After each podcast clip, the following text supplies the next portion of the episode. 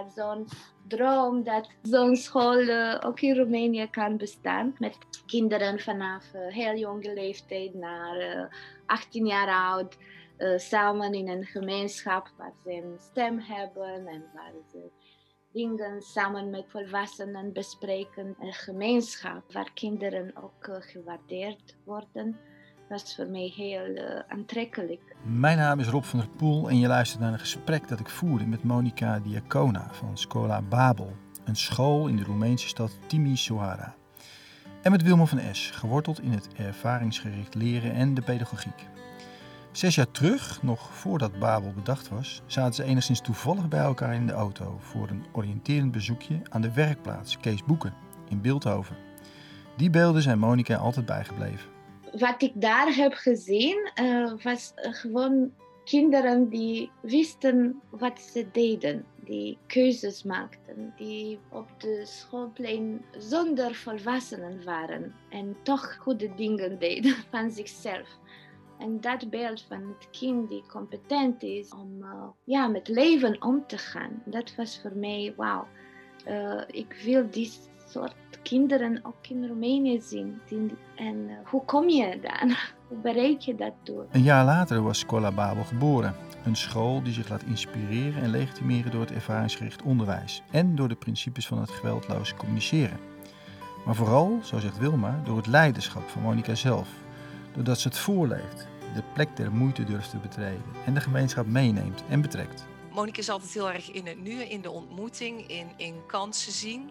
En die verbindt gewoon en, uh, en inspireert. Maar daar zit een bepaalde vrijheid in. En, waardoor je je heel erg uitgenodigd voelt en mee wil denken. Monika en ik delen zoveel in onze liefde voor het leven, voor lezen, taal uh, mensen, ontwikkeling. Tegen de heersende stem- en onderwijsontwikkeling in, ook in Roemenië, is Babel uitgegroeid tot een plek voor 210 leerlingen.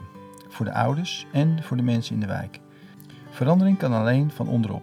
En aan ambities geen gebrek. Als het aan de schoolleider en haar groeiende gemeenschap of beweging ligt, gaat het heel Roemenië in het komende decennium om. Je moet groot uh, denken in Roemenië. Je moet uh, echt uh, veel hoop hebben om te overleven. Want de werkelijkheid, de situatie, het niveau van ontwikkeling is echt eh, een beetje ver van ontwikkelde Europese landen. En toch uh, moet je de, de kracht hebben om, te, om hoopvol te zijn. Uh, en dan moet je groot denken en kleine stappen maken. Luister het komende uur naar het verhaal van Scuola Babel. Naar wat Paolo Freire met deze ontwikkeling van doen heeft en naar de betekenis die ook de kunsten hebben in de veranderingen die in onderwijs plaatsvinden. Veel luisterplezier. Nou, welkom Wilma en Monica in deze podcast.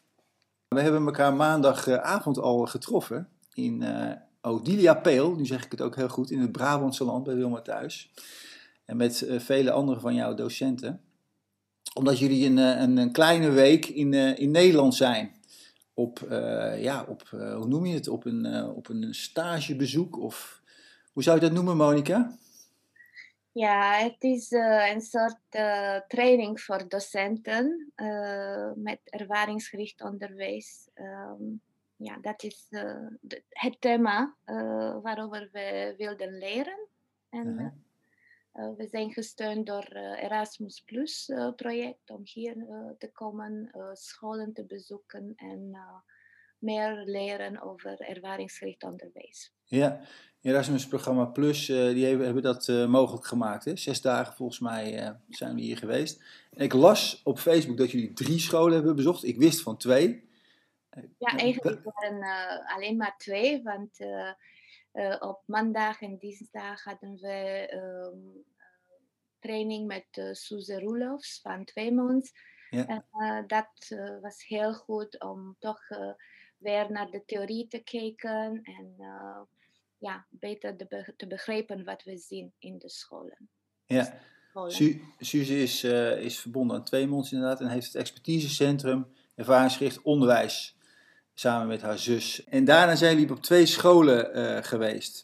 Uh, eentje in Oosterwijk, als ik het goed zag, de Bunders. En gisteren op de oudste school wat betreft ervaringsgericht onderwijs, de Uilenspiegel in Boekel volgens mij. Allebei Allebei volgens mij het Brabantse land. Hoe toevallig is dat? Kun je eens vertellen, wat, wat, hoe is dat geweest met, met jullie groep van volgens mij acht docenten? Ja, we hebben dus twee scholen bezocht. Eén school die ehm, al vijf jaar bezig is met ervaringsgericht onderwijs. Ehm, en waar we open space werk hebben gezien, geen muren, kinderen die echt zelfstandig werkten. Um, docenten die bezig waren met coachen, meer dan met lesgeven, zeg maar. Um, materialen die echt goed uh, georganiseerd werden, zodat kinderen kunnen zelfstandig werken. En dat was heel uh, indrukwekkend, uh, hoe je eigenlijk het leren kan organiseren, zodat de kinderen niet afhankelijk op jou zijn. en dat je niet altijd in de, ja, de showman van, van het leren bent, maar kinderen zelf uh, de, de, de ruimte nemen om zich te ontwikkelen. Mm Heel mooi om te zien en uh, we hebben begrepen dat dat het resultaat van een langere proces is, dat het niet zo maar komt dat kinderen zelfstandig werken. Um, dus het was heel indrukwekkend hoe, hoe dat proces van leren kan plaatsvinden op een andere manier. En in Uilenspiegel uh, was daar al vijf jaar geleden, toen Uilenspiegel niet in een nieuw gebouw was, maar uh, op een andere manier werkte. dat was heel in, uh, goed voor mij om te zien hoe dingen ontwikkelen, ook in Nederland. Ja. dus, tegelijkertijd als in Roemenië. Um, en waar we daar hebben gezien, is een manier van werken een combinatie tussen eh, zelfstandig werken en vrije initiatief en instructie. En dat is meer zoals in onze school in Roemenië, uh, waar uh, ook de docent, ook uh, de leerling initiatieven nemen. En ja, misschien soms de docent te veel. en dat leren we om... af, leren jullie ja, af? Ja, ja, ja want in Roemenië is het beeld van de docent uh, een beetje zoals een uh, god, zeg maar. De docent is de, degene die het leren uh, aanstuurt en de, degene die alles mogelijk maakt. En de kinderen hoeven alleen maar in te komen en een goede relatie met de docent hebben en dan gebeurt het leren. Ja, je hebt het al over onze school, hè? Scola Babel, zeg ik het goed? Scola Babel. Voilà, ja. Scola Babel. Het bestaat nu vijf jaar. Vijf jaar geleden ben je dat, heb je dat opgericht. En even voor de, de luisteraars. Jij spreekt Nederlands en dat is niet zomaar, omdat je ook al in Nederland eerder langere tijd bent geweest. Je hebt, volgens mij hoorde ik net van Wilma Nederlands gestudeerd in Groningen. Ja, ja. Hoe lang? Vier jaar? Vijf jaar? Nee, eigenlijk, ik heb Nederlands in Roemenië geleerd. Oh. Drie jaar. Ik studeerde talen aan de universiteit in Timișoara, Engels en Frans.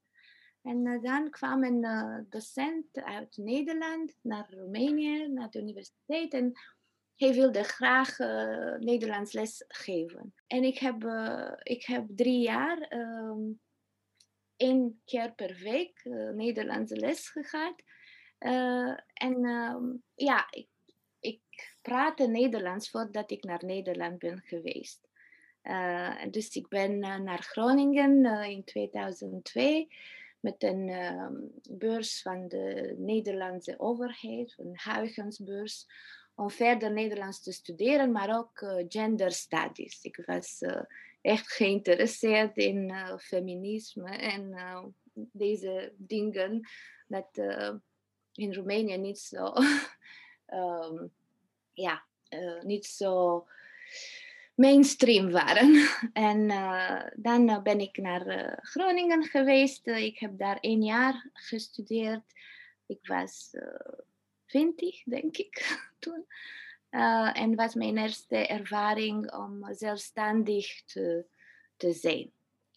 dat was echt belangrijk. Het belangrijkste ding van deze ervaring was om zelfstandig voor mezelf te zorgen. Uh, en ik heb zoveel geleerd um, van die ervaring. Behalve veel andere dingen. Ik heb ook lerarenopleiding gedaan, uh, stage gelopen in Veendam, in een centrum voor asielzoekers en Nederlands les gegeven. Ik heb dan veel dingen gedaan. Maar die waren mijn keuzes. Ik heb alles gekozen en dat was, niet, dat was iets nieuws voor mij. Ja ik heb ook slechte keuzes gemaakt. Ik was altijd in de bibliotheek, niet veel in uh, het leven. maar ja, dus ze zeiden dat ik twee keer zoveel heb gedaan dan een normale Nederlandse student. Maar dat was omdat ik ja, plotseling toegang had naar zoveel mogelijkheden. En ik, uh, ja. ja. Dus die bibliotheek die trok, uh, die trok jou nogal. Daar wilde ja. je graag zijn ja, ja, eigenlijk wilde ik naar Groningen gaan, omdat uh, een jaar tevoren was ik daar uh, op bezoek bij, met een studentenorganisatie en ik heb het bibliotheek daar gezien.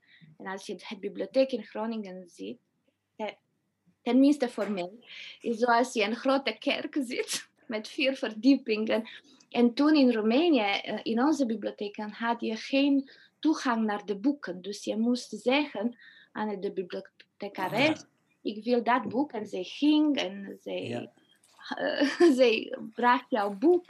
En voor mij vier verdiepingen van boeken was zoals een grote kathedraal. Uh. Ja, wauw. Dat was, was een grote snoepwinkel werd het ineens. Ja, waar, je, waar je dagenlang in kon, kon, kon zijn en verblijven. Fantastisch hey, en ehm, eh, ja, we zitten hier ook met Wilma, Wilma van Es. Ehm, eh, en eigenlijk is Wilma de, de aanleiding geweest om deze, dit contact te leggen met jou. Want Wilma zei mij, vertelde mij nou, dat ze naar Roemenië was geweest, kort geleden nog maar. En dat ze opnieuw jou had, had natuurlijk ontmoet in de school. En, en ja, voor, voor jou, Wilma, was het aanleiding om, om ons in contact te brengen. Wat bracht jou daartoe? Wat, Waarom, waarom is dat, ja, vond jij dat belangrijk? Of waarom wil je daarover vertellen? Over, dit, over die ervaring die je daar opdoet en met Monica opdoet? Ik uh, herken in Monica een soort rupsje nooit genoeg, wat ik ook in mezelf uh, zie. Ontzettend leergierig, leesgierig, onderzoekend, nieuwsgierig. En um, ik ben met een aantal mooie dingen bezig op dit moment. En een van die dingen is de werkplaats pedagogische opgave bij het NIVOS en de andere was de reis naar Roemenië die ik ging maken. Na uh, de reis van Roemenië spraken wij elkaar over die reis. En uh, toen uh, raakte jij ook geïnteresseerd erop. Zeker. Toen zei ik, eigenlijk is het prachtig als ze komen dat je Monica ontmoet en dat je haar collega's ontmoet. Want in de ontmoeting voel je volgens mij wat ik bedoel. En dat is veel meer dan alleen het verhaal wat ik kan vertellen. Dus je liet het mezelf ervaren eigenlijk? Ja nou ja, dat heeft natuurlijk alles te maken met dat ervaringsgerichte uh, leren en de achtergrond die ook jij hebt hè, vanuit het ervaringsgericht onderwijs. Uh, kun je daar nog iets over vertellen? Je bent, ik ken jou inderdaad ook vanuit die tijd, vanuit misschien wel tien jaar geleden of nog ietsjes langer, waarin je, waarin je columns schreef voor, het, voor de Egoscoop. En, en ook verbonden was aan het, aan het expertisecentrum. En daarna is jouw weg iets anders gegaan. Ehm, kun je daar iets over vertellen? Tot het moment waarop we nu in 2021 zitten? Ik ben gestart als leerkracht en eigenlijk binnen anderhalf jaar afgeknapt in het onderwijs, omdat het me zo tegenviel. Ik had er zo'n andere beelden bij. En toen ben ik hele andere dingen gaan doen. Um, en toen had ik een collega die werkte, in een vriendin, die werkte in het ervaringsgericht onderwijs. En in het weekend gingen wij haar lokaal inrichten. En als ik dan uh, op mijn werk was op kantoor, toen had je nog geen geen telefoontjes waar je dingen mee kon delen. Was ik alleen maar bezig hoe zouden de kinderen reageren als ze dadelijk weer in haar klas zijn. Hoe zouden ze die hoeken vinden die wij gemaakt hadden. En gelukkig brak, brak een van de collega's daar een heup en ben ik daar komen werken. En daar maakte ik kennis met het uh, gedachtegoed van Verre Lavers, welbevinden en betrokkenheid. En daar had ik moeite met het gedachtegoed van Verre Lavers. Ik vond het heel moeilijk om welbevinden betrokkenheid te meten en in schalen te zien. En toen ben ik heel erg gaan onderzoeken van hoe komt het nou toch dat die man dat zo wil en hoe komt het zo dat het mij zo raakt en tegelijkertijd zo irriteert. En eigenlijk uh, is die irritatie omgeslagen in onderzoeken, onderzoeken, onderzoeken. En nou vanaf 1990 ben ik, uh, leef ik vanuit kijken naar welbevinden en betrokkenheid van kinderen en volwassenen. Want ik geloof heel erg dat dat is wat ons feedback geeft. En wat ik zie in onderwijs is dat mensen denken dat het een maakbare wereld is. Dat we gelden krijgen en plannen maken en instructies plannen en dat er dan iets gebeurt met onze kinderen. Maar ik denk dat het een, eh, een raakbare wereld is. En um, mijn onderwijswereld, of de plekken waar ik heb mogen werken, die zijn eigenlijk altijd door toeval gekomen. Ik heb een PABO mogen leiden, een expertisecentrum mogen leiden. En als directeur in de kinderopvang gewerkt. En ook mijn ontmoeting met Monica was er een van het toeval. Want uh, Monica had contacten met Suze van Tweemonds. Um, en wilde ervaringsgericht onderwijs op Schola Babel brengen. En zij was in Nederland en Suze zei, goh, um, toen ik haar aan de lijn had, uh, Monica is hier en het komt me eigenlijk niet zo goed uit. En, en ik wil Monica mooie dingen laten zien. Ik zei, nou, ik ga naar iets moois. Ik ga naar de werkplaats Kees Boeken. En ik kan Monica wel ophalen. En eigenlijk is dat het begin geweest van onze ontmoeting. Die autorit en dat gesprek. En toen dacht ik, wauw. Weet je, Monica en ik delen zoveel in onze liefde voor het leven, voor lezen, taal, uh, mensen, ontwikkeling. Dus ja, daar is het begonnen, Monica? In de auto. Inderdaad, dat was een, eh, een, een toeval. uh, en na dat gesprek, na, na, ons bezoek, we waren daar in de werkplaats en ik herinner me dat we in de zon waren en naar het gebouw keken. En ik had zo'n droom dat één dag zo'n school ook in Roemenië kan bestaan. Met um, kinderen vanaf uh, heel jonge leeftijd naar uh, 18 jaar oud. Uh, samen in een gemeenschap waar ze een stem hebben en waar ze dingen samen met, met um, volwassenen bespreken. Dit idee van een gemeenschap waar kinderen ook gewaardeerd worden, was voor mij heel aantrekkelijk begrijp ik goed dat de werkplaats, de, de school, zeg maar, dat dat ook een belangrijke inspiratiebron is, is, is geworden, dat beeld wat je daar zag, die ervaring die je daar opdeed? Wat ik daar heb gezien, was gewoon kinderen die wisten wat ze deden, die keuzes maakten, die uh, ja, op de schoolplein zonder volwassenen waren en toch uh, goede dingen deden van zichzelf. En dat beeld van het kind die competent is, dat competent is uh, om ja, met leven om te gaan, dat was voor mij wauw. Ik wil die soort kinderen ook in Roemenië zien. Die, en hoe kom je dan? hoe, hoe, bereik je dat door? Um, en dan ervaringsgericht onderwijs is een manier om, uh, ja, om, uh, om kinderen zelf te, te, te laten nadenken en kinderen op te volgen om te zien hoe ze groeien. Uh, en betrokkenheden, welbevinden zijn in, ingrediënten van groei. Ja. En, en, dat wil ik zien in de processen van elke school, niet alleen maar onze school. Nee, want ik heb intussen ook op, jou, op jullie website gekeken hè, en, en, en, Google Translate gebruikt om te, te, kunnen lezen wat daar stond. En dan, dan zie ik inderdaad dat je, dat je vijf jaar geleden nou, met die droom als het ware en, en, en een nou, best wel een groepje, een flink groepje mensen om de tafel ben gaan zitten. Ik geloof, ik, ik las iets over tien of twaalf ouderparen en dan met twee of drie leraren. Mm -hmm. En jullie zijn, hebben grote, grote ambities gelijk gesteld. Jullie, jullie denken groot. Je moet groot uh, denken in Roemenië. ja? Je moet echt veel hoop hebben en, om, om te overleven. Want ehm, de, de werkelijkheid, de situatie, de, de, de, het niveau van ontwikkeling is echt een beetje ver van uh, ontwikkelde Europese landen. Je mm-hmm. ziet dat elke dag. En toch uh, moet je um, om ja, moet je de, de kracht hebben om, om hoopvol te zijn. en dan moet je groot denken. en kleine stappen maken. Groot denken, maar kleine stappen maken, wat mogelijk is. En toen was het mogelijk om een heel kleine school te maken met 19 leerlingen. Um, het was uh, ook een uh, groot risico die we, dat we hebben genomen. Uh, maar daarna gebeurden dingen. Dus dat was mooi. Dat, aan het begin niemand wilde, niemand. Veel, weinig mensen wilden iets weten over een andere manier van, van leren. Mm -hmm. En nu, oké, okay, elk jaar steeds meer. En nu hebben we een probleem met ouders te selecteren, want er te veel zijn die onze manier van, uh, van leren willen uh, voor hun kinderen.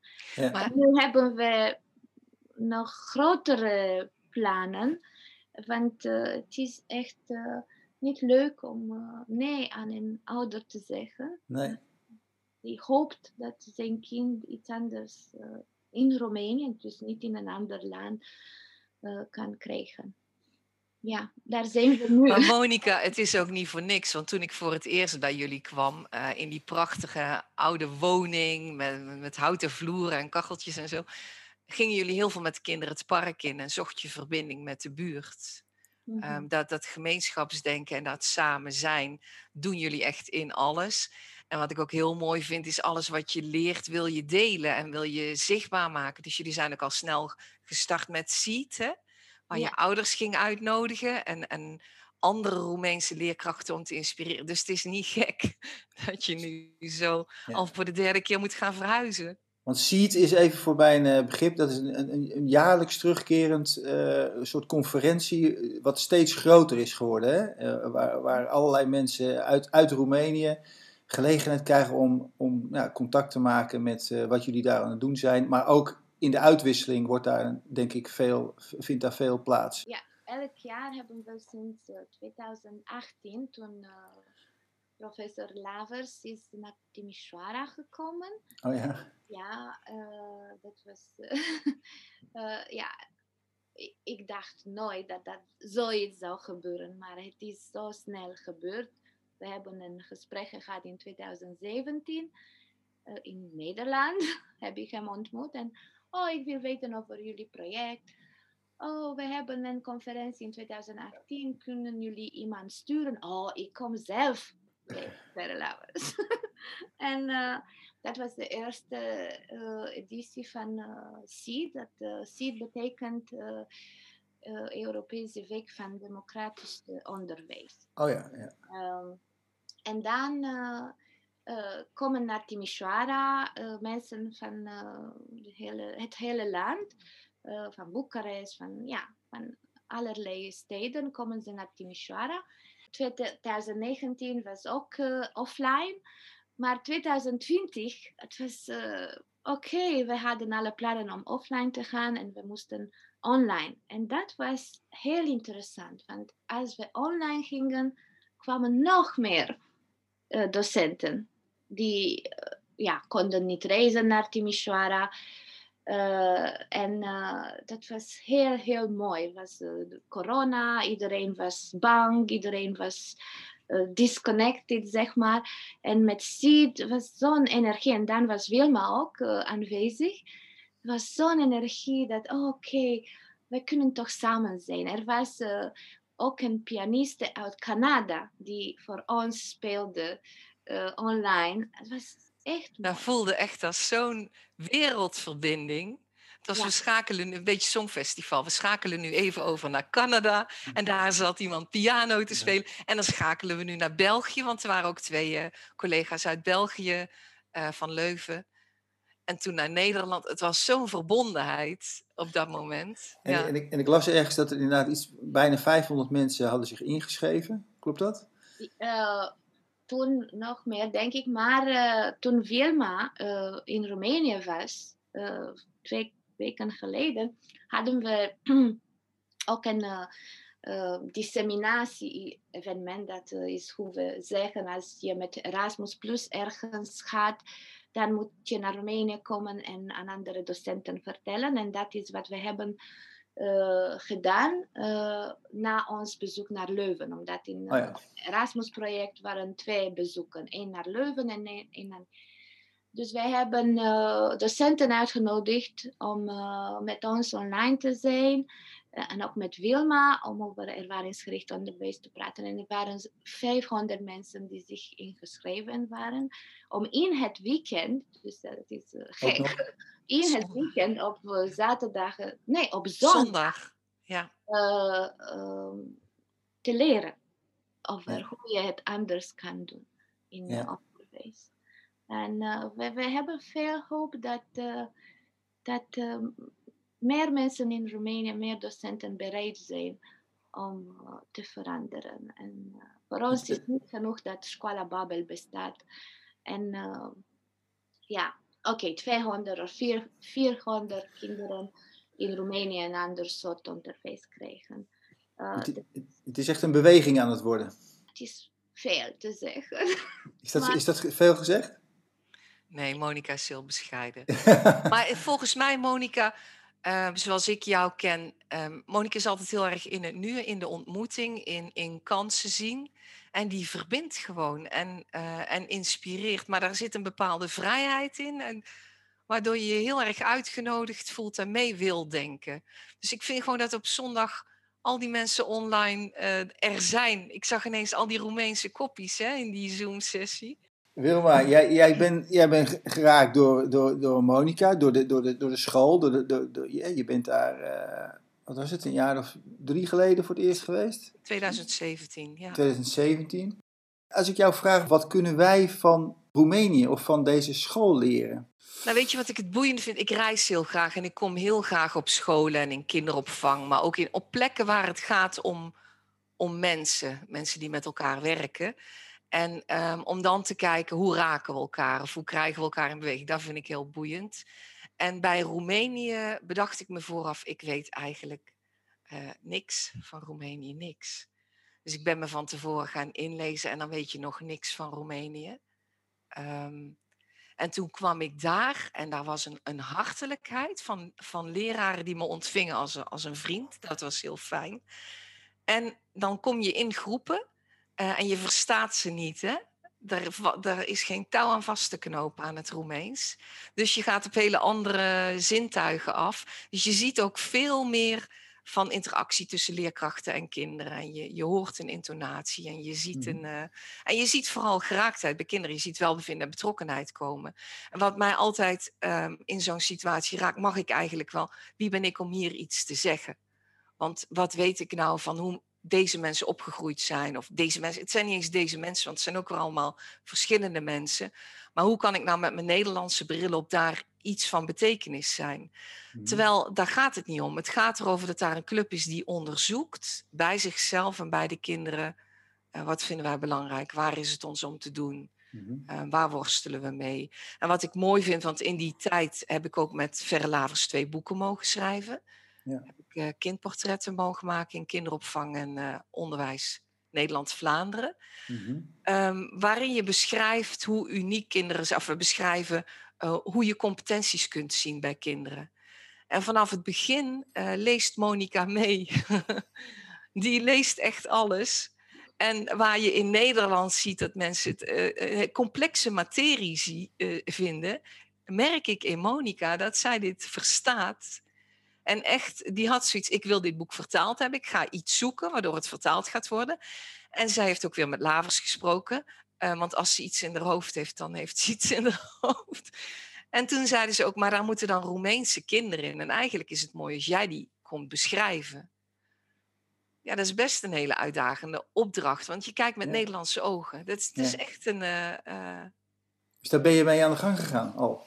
Nog niet. Nee, we zijn nu nog in de klasse aan het observeren, kijken naar welbevinden en betrokkenheid. En de eerste gesprekken van um, wat zien we bij kinderen, wat brengen we teweeg, wat zouden we willen zien, hoe gaan we daar aanpakken. Dat vind ik heel mooi om met elkaar na te denken over wat denk je dat hier het beste is of nodig is.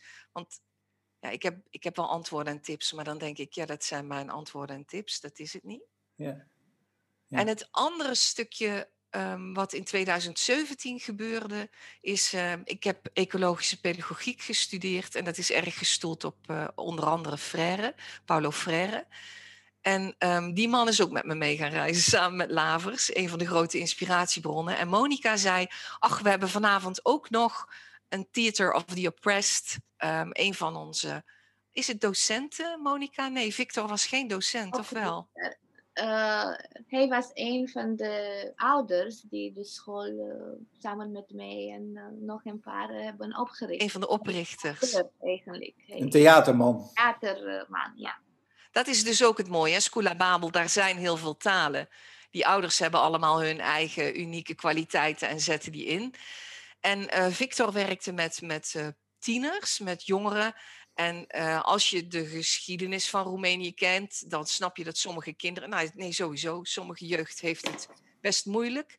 En zij vinden elkaar in gesprekken, uh, delen hun, hun, pijn en hun struggles. En wat die Victor deed, die vertaalt dat met, met die jongeren naar scripts. En die scripts gaan ze spelen en gedurende dat theater um, komen allerlei mensen kijken uit de hele omgeving en die mogen ins, inspringen in die scripts. Waardoor je met elkaar kijkt wat zijn andere mogelijkheden, hoe reconstrueer je. En het was een donkere zaal en Monica zat naast mij en zij uh, fluisterde de vertaling in mijn oor. Ik heb de hele tijd zitten janken. Ik moest alleen maar janken. Ik vond het zo mooi. En als je dan in dat publiek zat, er zaten oude mensen, jonge mensen.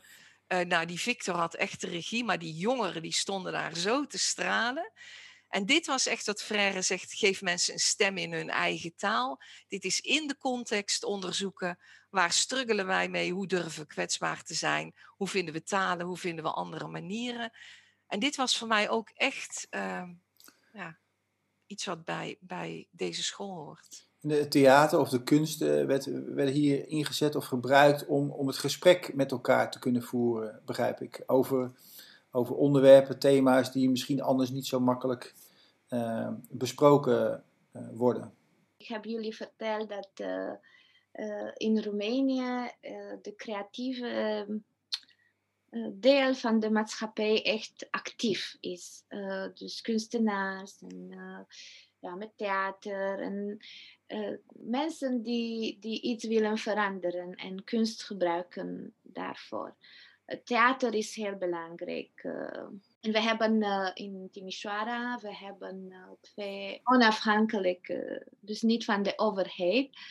En die doen uh, heel, heel belangrijke dingen voor de gemeenschap. En we hebben vanaf dit jaar een samenwerking met een van deze theaters. Onze kinderen werken met um, toneelspelers om een grote um, ja, show te maken aan het eind van uh, het jaar met theater. Uh, en we vinden het heel belangrijk dat uh, we samenwerking met al deze kunstplekken te hebben, omdat ze dezelfde waarden laten zien.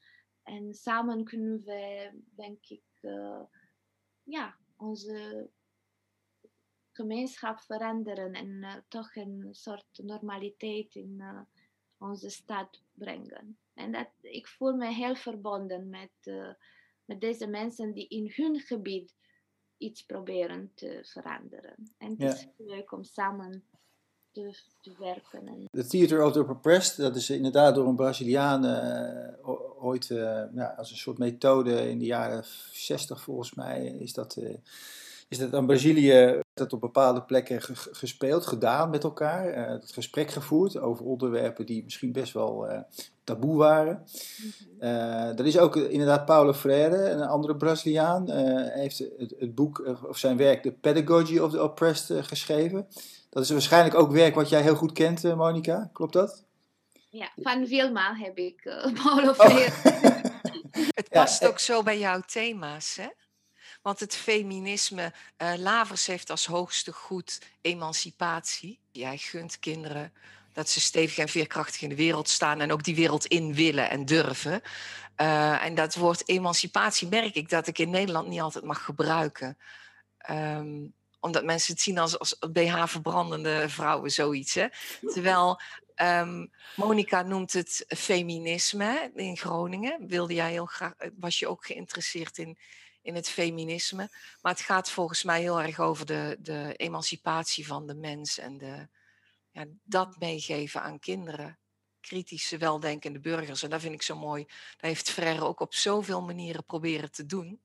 Mhm. Kijken van hoe geven we taal in eigen taal uh, aan mensen in bepaalde situaties. Ja, nou, toen je mij dat vertelde, Wilma, hè, ook de, pedagogy of the oppressed en, en die link naar, naar de Roemeense, en wat ik over Roemenië weet, hè, dat is namelijk ook niet, niet zoveel, zullen we maar zeggen. Ik ben er ook nooit geweest.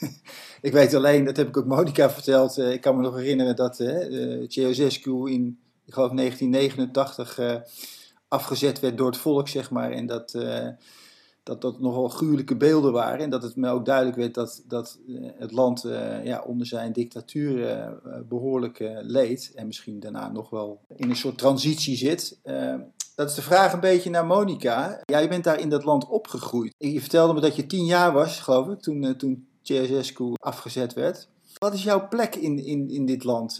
Eigenlijk, als ik naar mijn kindertijd denk, dan ehm, was mijn plek niet in de stad, maar eh, in een dorp. Ik woonde in de stad, ik ging naar de school hier in Timișoara, maar in de zomer ging ik in een dorp waar eh, er een school was die 400 jaar oud was. En de directeur van, van, de, van de school was mijn grootvader. Wat ik heel uh, leuk en mooi vond, was dat er Hongaren, Roemenen, Roma-mensen samen waren op school, rond de school.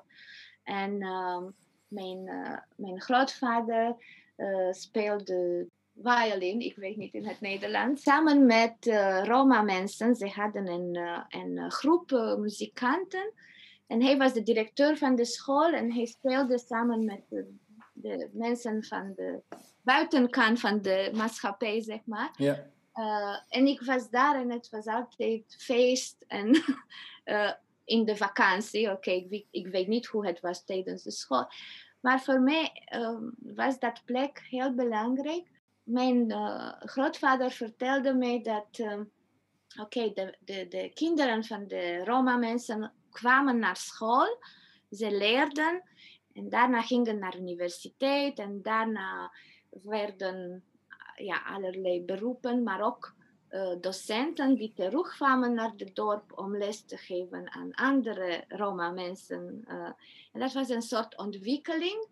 Uh, en dat, dat gebeurde tijdens communisme, dat door onderwijs kon je van één deel van de maatschappij naar een andere deel reizen.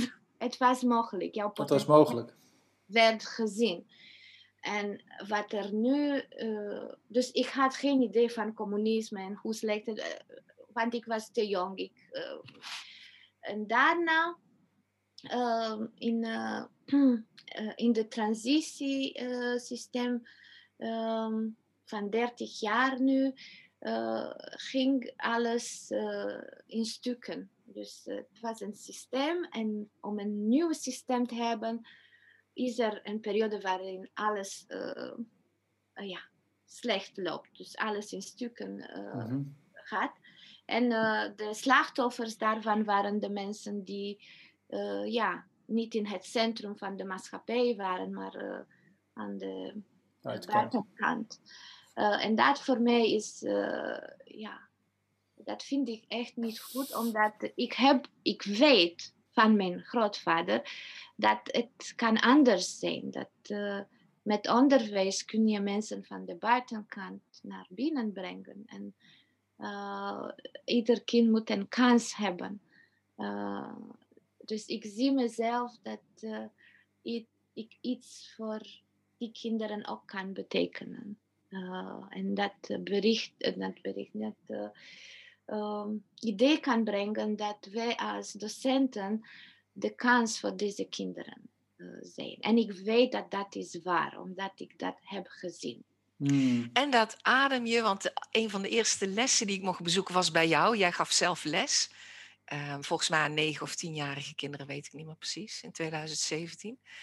Ehm, en jullie waren bezig met sprookjes over de hele wereld.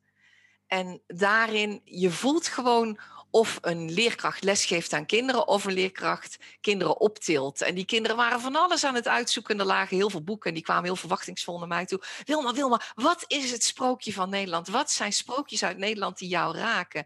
En toen werd ik stil, toen dacht ik, ik ken alleen de sprookjes van Grimm en van Andersen. En die komen helemaal niet uit Nederland. En wat zijn onze verhalen? Ehm, en toen kwam er een kind aanlopen met een, met een Nederlands sprookjesboek. Dit zijn jullie sprookjes, dacht ik, die ken ik helemaal niet. Maar toen dacht ik, deze kinderen zijn zo onderzoekend en vrij. En jij zat daar zo genietend en stralend tussen. Je tilde ze gewoon op. Dat was heel geweldig, die ontmoeting met, met mij en uh, de wereld. En ik denk dat dat de kracht van onderwijs is. Die, die vrijheid, dat onderzoekende, die nieuwsgierigheid. Het durven voordragen en vertellen. Ja, daar mm -hmm. zit mhm. zoveel in. Ja. Mm -hmm. Ben je, nou ben je twee weken geleden inderdaad, eh, of drie weken geleden is het inmiddels alweer, ben je ook weer in Timisoara geweest. Overigens een stad van, heb ik me laten vertellen, 300.000 inwoners. Dus ongeveer vergelijkbaar met Utrecht. Uh, het is de tweede of derde stad van, van Roemenië, meen ik. Naar ja, Boekarest en Cluj. En Monika, jij hebt haar gevraagd om te gaan kijken, toch?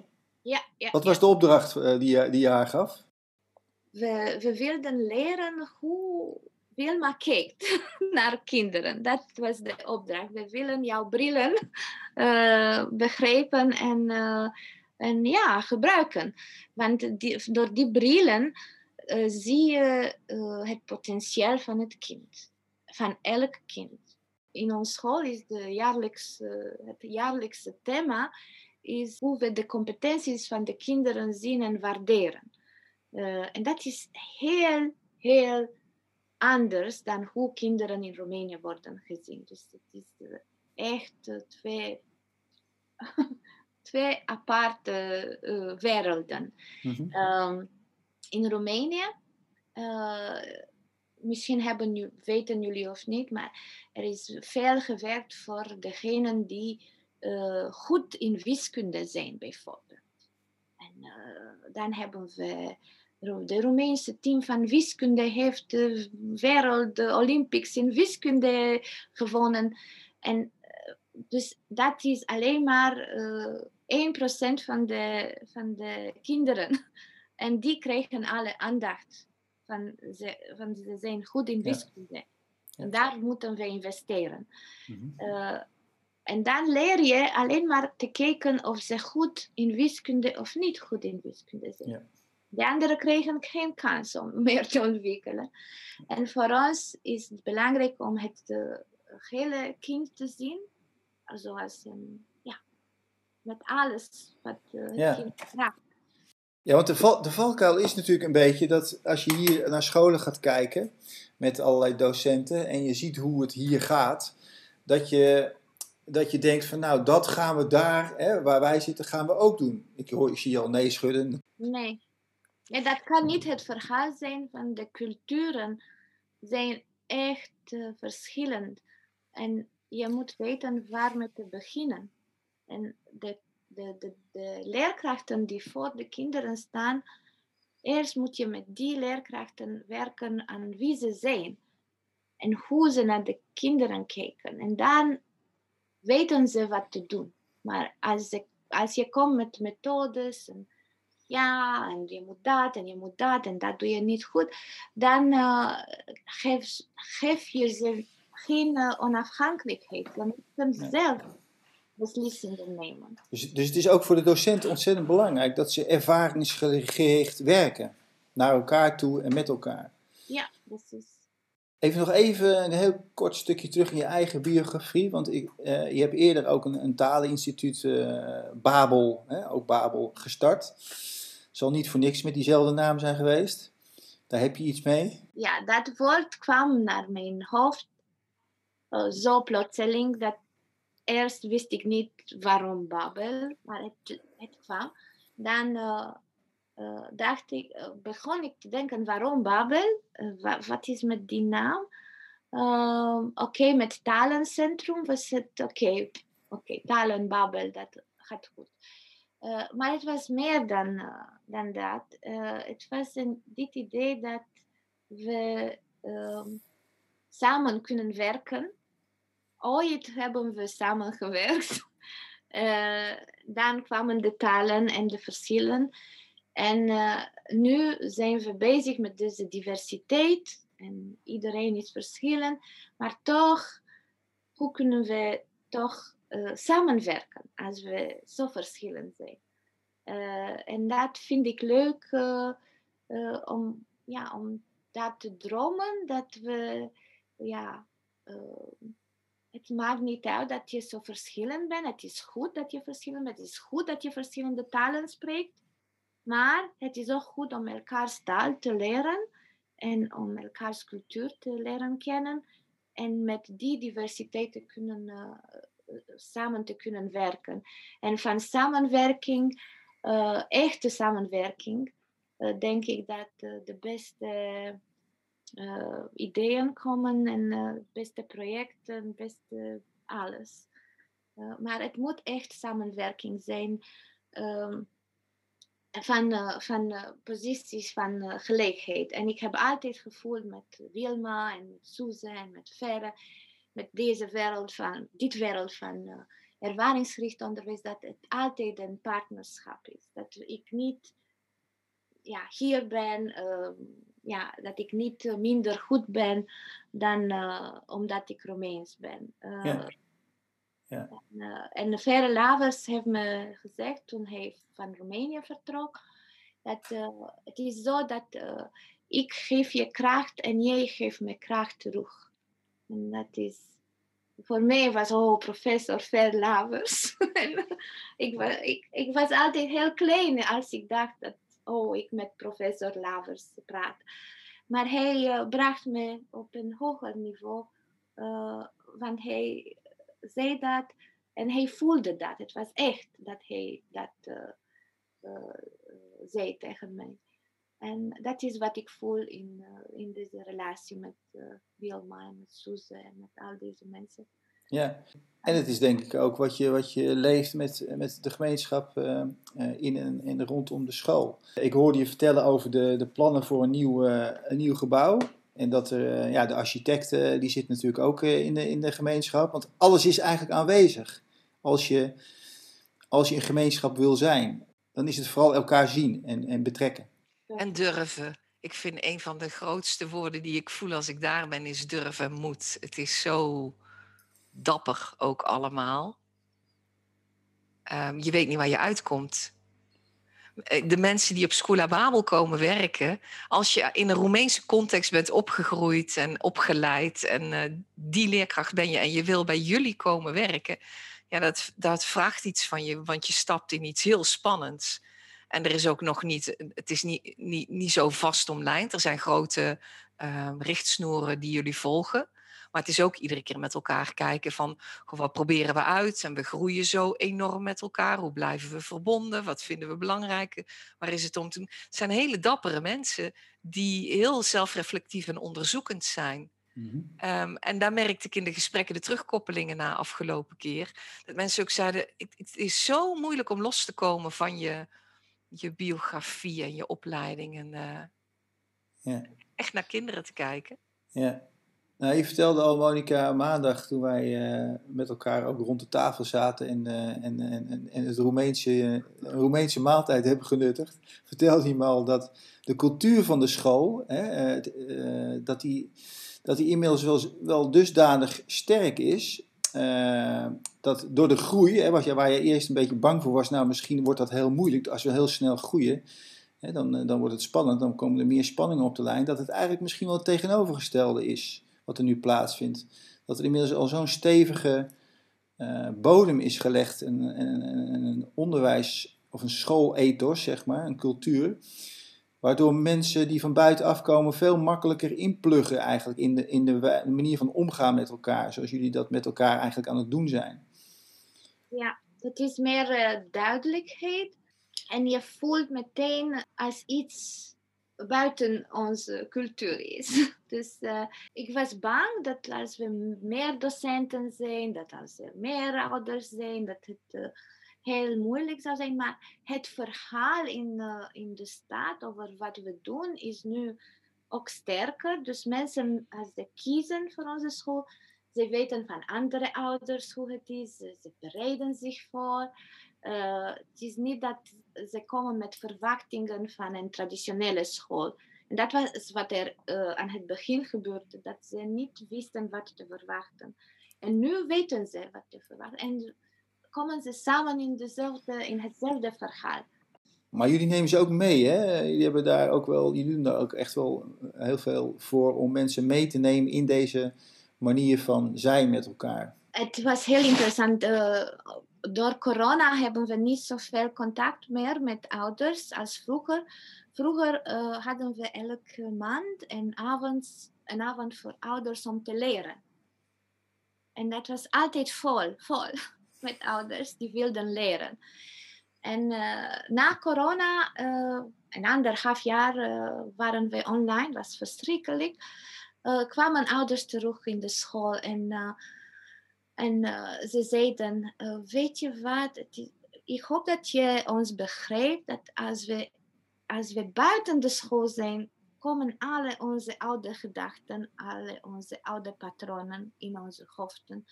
Maar als we hier komen, voelen we dat we ook groeien en dat we op een andere manier kijken. En dat voelt zo goed. Uh, en uh, voor mij was oké, dat was heel leuk om uh, weer met ouders te zijn en in een cirkel te zitten en samen leren. ook hoe naar de kinderen te kijken. Want wat, wat Wilma doet, en van haar boek heb ik al een beetje vertaald, om naar ouders te vertellen. Oké, okay, dit is jullie kind. Jullie kind is een geheel. Het is niet maar wiskunde. Kijk naar jouw kind.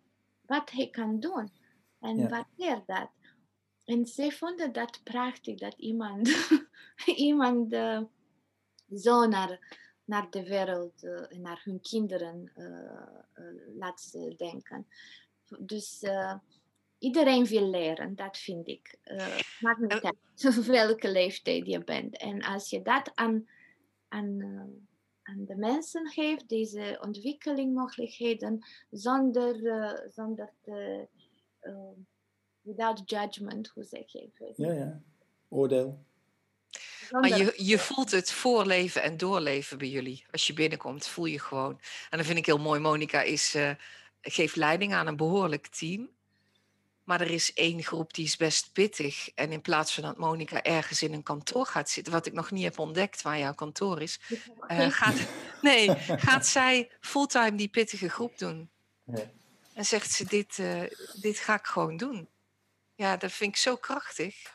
Dus daar inspringen waar je nodig bent of waar je voelt van, uh, daar ga je, dat ga je doen. Ik zie dat niet veel leidinggevenden in Nederland bijvoorbeeld doen. Ja, maar ik weet niet hoe leiding geven in Nederland is.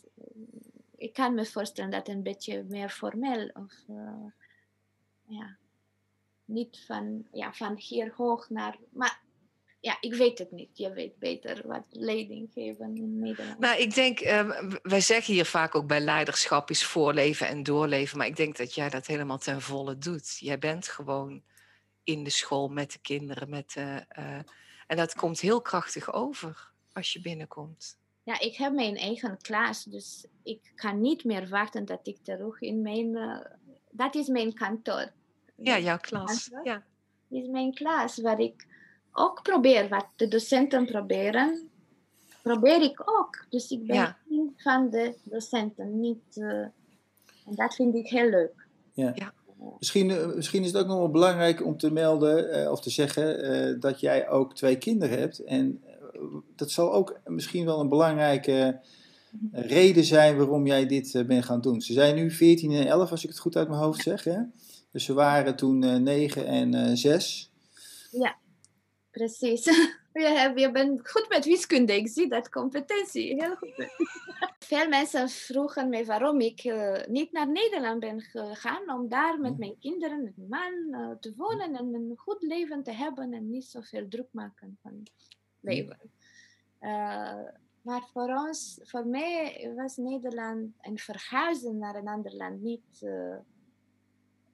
het is nog niet, ik kan me niet voorstellen dat ik hier zou wonen. Uh, ik weet niet waarom, maar ik kan me niet. Maar dan uh, voel je dat je een beslissing hebt genomen dat niet goed voor jouw kinderen is. Jouw kinderen zouden heel beter zich ontwikkelen in Nederland.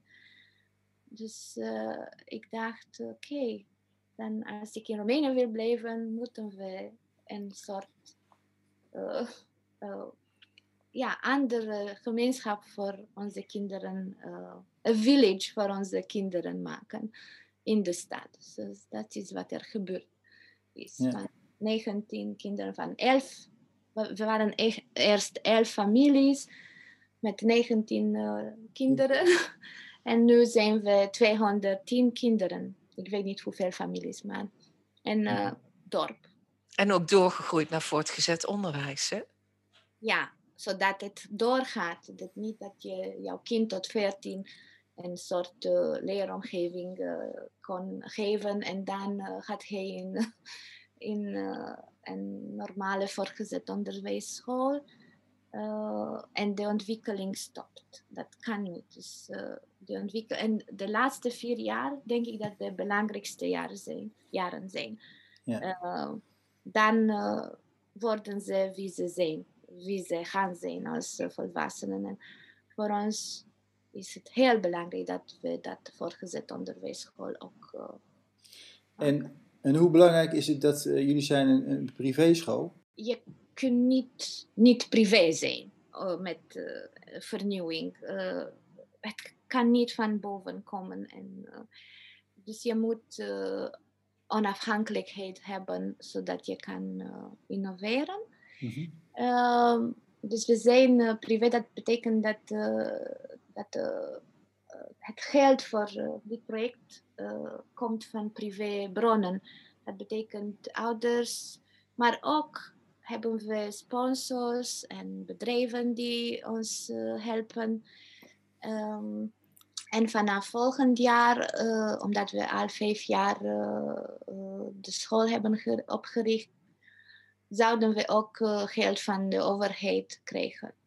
En wat. Oh, toch? Ja, ja. En wat in Roemenië nu gebeurt, is dat uh, de overheid is echt op zoek naar nieuwe perspectieven, want het heel zo slecht gaat met, de, met, de, met het traditioneel systeem, dat je kunt een uh, pilot school zijn. dat betekent dat je zegt, oké, okay, ik ga dingen op deze manier doen, niet als in het traditioneel systeem. en ze zeggen, oké, je mag dat doen, maar je moet daarna uh, rapporteren, uh, zodat misschien andere scholen dit model overnemen. En dat is heel boeiend voor ons. Interessant voor jullie ook. Maar zou dan, want de populatie van jullie school, mensen hebben al snel het idee, het is een privéschool, dus dat zijn kinderen die van wat ouders die iets meer geld hebben dan het, het, het gros van, van de bevolking? We hebben geprobeerd om een balans te vinden tussen wat het eigenlijk kost om, om zoiets te doen en al de docenten te betalen en al materialen en wat de ouders kunnen zich veroorloven. En voor ons was het heel belangrijk dat uh, de mensen om ons heen zijn mensen die uh, voor hun kinderen tijd hebben en voor hun kinderen ja, met hun kinderen leren. En dan moet je toch een, een prijs hebben die toegankelijk is voor mensen die oké, okay, middelklasse zijn, zeg maar, uh, maar die uh, toch tijd hebben met kinderen te zijn. En, ja. dus voor ons ja, het bedrag dat een familie betaalt is eh, vier keer minder dan in een pri echt privéschool, oh, zoals ja. international school. En, en in de toekomst hopen we dat er uh, bedrijven gaan zijn die beurzen geven. Vol volgend jaar bijvoorbeeld wil ik per se een kind die zes jaar oud gaat zijn van, Roma, van een Roma-familie die uh, in onze school werken met schoonmaken. En ze willen hun kind in de school hebben. En, en zij gaan hun kind in onze school hebben. op een of andere manier. Het gaat gewoon gebeuren. Het gaat gebeuren. En we moeten toch. En dan is het zo, hè, Monica. Wij zagen het kind lopen terwijl ik daar was. En toen zei ze ook: dit, Ik weet nog niet hoe, maar dit gaat gebeuren. En dat is eigenlijk iedere keer als ik Monica ontmoet, zegt ze: Ik weet nog niet hoe. Eerste keer zei ze: Ik weet nog niet hoe, maar jij komt naar Roemenië. het, gaat, het lukt je, ik weet nog niet hoe, maar dit gaat beetje, Een beetje wat Luc uh, Stevens uh, al uh, toen ik begon bij het niveau zei: van de antwoord op de hoe-vraag is altijd ja. ja. Mooi. En ik geloof dat ook. Ja. ja. ja en, en, ik wilde zeggen dat uh, voor mij Nivos en wat Nivos doet in Nederland is heel uh, inspirerend. Uh, en ik lees jullie artikels, blogartikels en ik luister naar de podcast en, en ik volg de jaarlijkse thema's. En als ik in Nederland was, zou ik bij alle avonden komen jullie kunnen niet bewust daarvan zijn, maar wat jullie in de wereld uh, uh, publiceren of uh, laten zien, jullie kunnen niet weten hoe belangrijk dat is. En ik denk dat jullie kunnen jullie niet. you, you can't imagine that what you write there comes to Romania and makes a difference. And thank you mm. for that. Mooi, dankjewel. Uh, ja, we zitten nu al uh, iets meer dan een uur te praten volgens mij. En uh, dus ik, ik zou nog eigenlijk aan Wilma willen vragen wanneer je weer naar Roemenië gaat. Weten we nooit, maar het gaat weer gebeuren. Nou, misschien, ja. misschien reis ik wel mee. Ja. Mooi. Ja? Fijn. Hey, dank jullie wel. En Monika, een uh, goede terugreis. Nog één keer uh, nou, even naar Utrecht, uh, begrijp ik. En, ja. en dan naar Dortmund. En Wilma, ik weet niet waar jouw reis de komende dagen heen gaat. Naar Zweden. Naar Zweden? Echt waar? wow. Wat ga je daar doen? Uh, gaan we naar voorscholen kijken, Red Yoga geïnspireerde voorscholen. Oh, ja. okay. Met een groep leerkrachten. Ja. Fantastisch. Nou, het is een mooi leven zo. Ja. Uh, Dankjewel Rob. Dit was een Nivos podcast, aflevering 49 alweer.